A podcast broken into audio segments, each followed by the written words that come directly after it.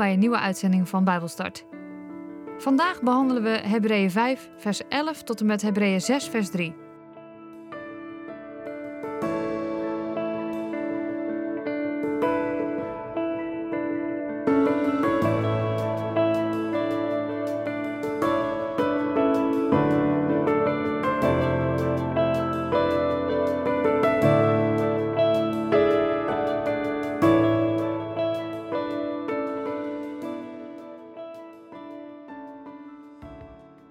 Ik lees met jullie uit de basisbijbel Hebreeën 5 vanaf vers 11 tot en met hoofdstuk 6 vers 3.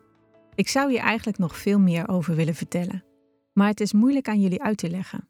Dat komt doordat jullie nog niet veel hebben gedaan met wat ik jullie tot nu toe geleerd heb. Jullie geloven al een hele tijd. Jullie hadden al lang andere mensen moeten kunnen lesgeven over het geloof. Maar dat kunnen jullie niet. Jullie hebben zelf nog les nodig in de eerste, eenvoudige dingen van het woord van God. Wat dat betreft lijken jullie op baby's. Baby's die nog melk nodig hebben en nog geen vast voedsel kunnen eten. Mensen die nog van geestelijke melk leven, zien het verschil niet tussen goed en verkeerd onderwijs. Ze zijn baby's in het geloof. Maar mensen die het geloof toepassen, kunnen vast voedsel krijgen. Door het geloof toe te passen in hun leven, hebben ze het verschil geleerd tussen goed en kwaad. En ik lees verder in hoofdstuk 6 vanaf vers 1 tot en met 3. We moeten nu dus ophouden met de eerste lessen over Christus, want we moeten verder groeien en geestelijk volwassen worden. We zullen dus stoppen met te spreken over de eerste eenvoudige dingen van het geloof. We hoeven het er niet meer over te hebben dat we niet gered kunnen worden door de dingen die we doen, maar alleen door geloof in God. We hoeven het niet meer te hebben over de verschillende soorten van doop, over het opleggen van handen, over de opstanding uit de dood en over het eeuwige oordeel. En als God het goed vindt, zullen we nu doorgaan met andere dingen.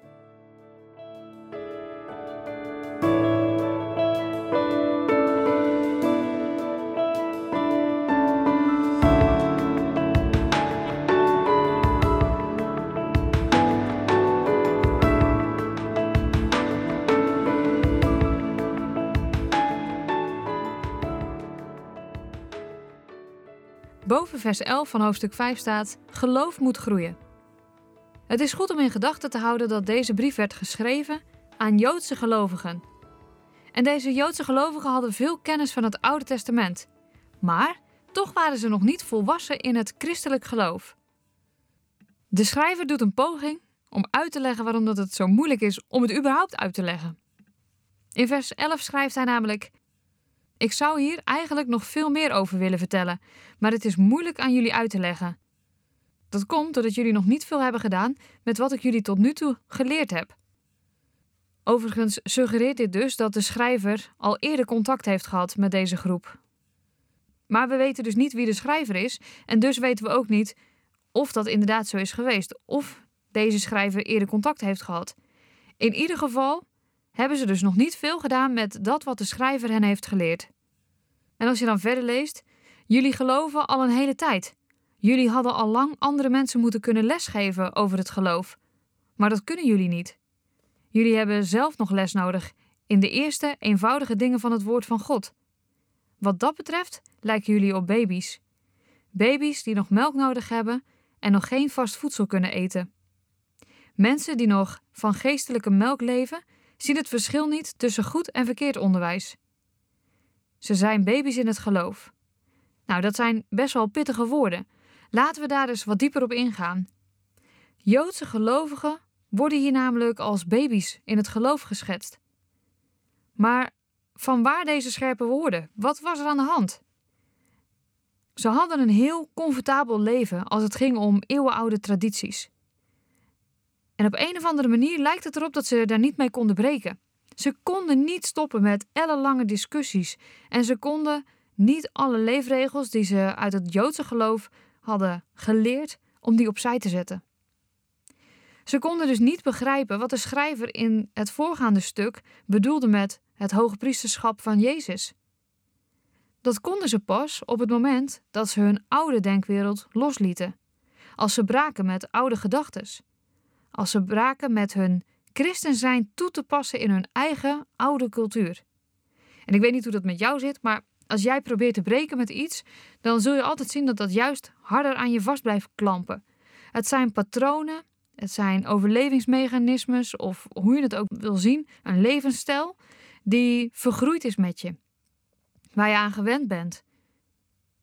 Maar zo'n patroon doorbreken, ja, dan moet je dus eerst bewust zijn dat je überhaupt dat patroon hebt. Dat je dus iets los moet laten. En in dit geval moesten de Joodse gelovigen dus hun oude denkwereld loslaten. Maar dat is lastig als je jarenlang A hebt geleerd, terwijl dat het eigenlijk B had moeten zijn. Hoe kom je dan los van A naar B? Nou, de schrijver die probeert dat dus duidelijk te maken aan de hand van het voorbeeld van volwassen christenen en baby's in het geloof. Het gaat hier dus om vormen van christen zijn, van baby naar volwassen zijn. We moeten groeien naar een volwassen geloof. Wij moeten ons geweten, ons gevoel, onze geest, ons lichaam trainen om het verschil te kennen tussen goed en kwaad. Als klein kind, als baby, ken je het verschil nog niet tussen goed en kwaad. Maar als je ouder wordt, ga je ontdekken dat je bijvoorbeeld ook een ander pijn kan doen.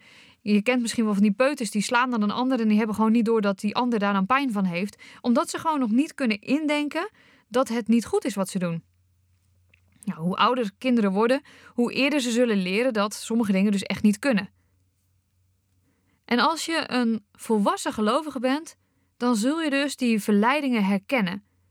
En het doel daarvan is, is dat je ze dan ook herkent voordat ze jou in de greep gaan nemen. En je kunt dan ook onderscheiden wat goede en valse leer is. Maar hoe weet je nu of je wel of niet volwassen bent in het geloof? Nou, daar is wel een manier om achter te komen. Als je alles uit dit gedeelte naast elkaar legt, dan kom je op, nou ja, denk ik negen punten ongeveer. Het eerste punt wat genoemd wordt is onderwijs. De schrijver lijkt hen haast te verwijten dat ze anderen nog geen onderwijs hebben gegeven. Ze hadden dat al lang moeten kunnen doen. Alleen, ze moeten eerst zelf onderwezen worden. En alleen maar zelf onderwijs krijgen, dat laat een onvolwassen geloof zien. Andere onderwijzen laat zien dat je volwassen keuzes durft te maken. En dan dus volwassen in het geloven. Het tweede is het begrijpen. Onder de volwassen keuze, onder het volwassen geloof, valt dat je begrip wilt ontwikkelen. Daartegenover staat dat je altijd het gevecht wil aangaan met de principes. Het derde punt is zelfkritiek tegenover zelfreflectie en onderzoek. Wij mensen zijn ontzettend goed in zelfkritiek. Maar als we weten wie we zijn in Christus, als we volwassen gelovigen zijn, dan zal kritiek en veroordeling veranderen in reflectie en onderzoek. Kritiek op jezelf wordt reflecteren op jezelf. En veroordeling van anderen en van jezelf wordt onderzoeken naar wat zit er nou achter die standpunten? Waarom geloof ik wat ik geloof? Waarom doe ik wat ik doe?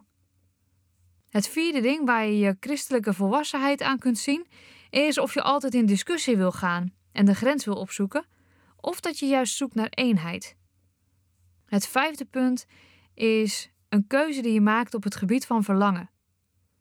Als jij verlangt naar geestelijke uitdaging, dan mag je ervan uitgaan dat dat een verlangen is vanuit een volwassen geloof. Als jij blijft verlangen naar vermaak, ga er dan maar vanuit dat dat een keuze is of een verlangen is die gemaakt wordt en aangewakkerd wordt door onvolwassen geloof. En natuurlijk, met vermaak is niks mis mee, maar je kunt bijvoorbeeld altijd van concert naar concert gaan en niet verder geestelijk uitgedaagd willen worden, omdat je bij dat concert zo lekker vermaakt wordt. Dat je niet verder hoeft na te denken. Maar je mag doorgroeien. Je mag doorgroeien vanuit dat concert. En natuurlijk, daar mag je nog steeds naartoe gaan om je ook te laten ontspannen en om je te vermaken. Maar dat je dus wel ook verder gaat naar die geestelijke uitdaging. Wat is er nog meer? Welk geestelijk voedsel kan ik nog tot mij nemen? De zesde keuze die je hebt is op het gebied van zorgvuldigheid. Sommige mensen hebben een directe mening, maar een volwassen geloof baseert zijn mening op studies en observaties. Een volwassen geloof herken je ook aan een actief geloof, in tegenstelling tot een lusteloosheid of twijfelend geloof. De achtste is een van de meest zichtbare uitingen die je in een leven kunt hebben, namelijk leven vanuit vertrouwen tegenover leven vanuit angst. Genoeg christenen maken hun keuzes op basis van angst, leven vanuit angst. Lijden, bedrijven, leiden gezinnen, leiden kerken, alles vanuit angst. Maar een volwassen christen mag leven en lijden vanuit vertrouwen. En de negende is misschien wel de lastigste om na te gaan. Want als volwassen gelovige toets je je gevoelens en ervaringen aan Gods woord. En als onvolwassene gelovige stem je je ervaringen af op je gevoelens. En dat is misschien een lastige. Als onvolwassen gelovige stem je je ervaringen af op je gevoelens. En als volwassen gelovige toets je je gevoelens en ervaringen aan Gods woord. We pakken ook nog de eerste drie versen van hoofdstuk 6 erbij. Dat komt omdat vanaf vers 4 van hoofdstuk 6 er een nieuw thema begint: waarschuwing tegen ongeloof. Maar we ronden dus eerst dat geloof moet groeien onderwerp nog af. De eerste drie versen van hoofdstuk 6, daar geeft eigenlijk de schrijver aan dat ze nu moeten stoppen met de eenvoudige dingen. Ze moeten nu een stapje verder. Zodra je het begin kent, kun je een stapje verder. Want juist als je dan blijft hangen in het begin, dan raak je in nodeloze discussies verzeld. En dan ga je je vervelen. En het is ook nodig dat we steeds meer en meer leren en steeds diepere kennis krijgen van het geloof. Het is goed als we onszelf altijd een beetje uitdagen. En het is ook goed als we meer en meer begrip voor anderen ontwikkelen. Kijk, je hoeft het echt niet altijd eens te zijn met standpunten van anderen, maar begrip kan wel helpen om achter het standpunt te kijken. Christenen moeten nieuwgelovigen de basisbegrippen leren. En daarna moeten ze verder leren. De Hebreeën hadden het nodig om Jezus te leren kennen als de volmaakte priester. Daar ging het in hoofdstuk 5 over. Ze moesten inzien dat Jezus de profetieën uit het Oude Testament heeft vervuld. En dat is iets waar veel Joden vandaag de dag nog steeds moeite mee hebben. Het is belangrijk dat we blijven bidden voor het Joodse volk, dat we hen elke keer weer voor Gods stroom brengen, zodat ook deze Joden meer en meer over Jezus mogen leren. Net zoals dat het belangrijk was dat de Hebreeën, aan wie deze brief geschreven is, ook meer en meer over Jezus leren kennen. Wij mogen bidden voor het Joodse volk, dat zij Jezus als volmaakte priester zullen zien en dat zij dus ook gaan inzien dat Jezus de profetieën uit het Oude Testament heeft vervuld. Dat ze niet alleen naar de komst van Jezus gaan uitzien, maar vooral naar de wederkomst, zodat ze gaan geloven dat Jezus al eerder is geweest, dat ze daar niet meer op hoeven te wachten en dat ze het Nieuwe Testament dus ook mogen gaan omarmen. Maar dat is iets wat wij, het Joodse volk, niet kunnen opleggen. We kunnen ervoor bidden. Het is een van de weinige dingen die we kunnen doen. Maar dat betekent niet dat wij dus superieur zijn en dat wij dus alle kennis al in pacht hebben. Zeker niet. Ook wij moeten ons uitstrekken naar meer. Ook wij mogen ons uitstrekken naar geestelijke uitdaging, zodat we niet in nodeloze discussies verzeild blijven raken, zodat we niet een wel eens niet een spelletje met andere mensen gaan doen. Nee, wij mogen ons uitstrekken naar meer en meer van God, zodat ook wij kunnen groeien en wij steeds volwassener worden in het geloof.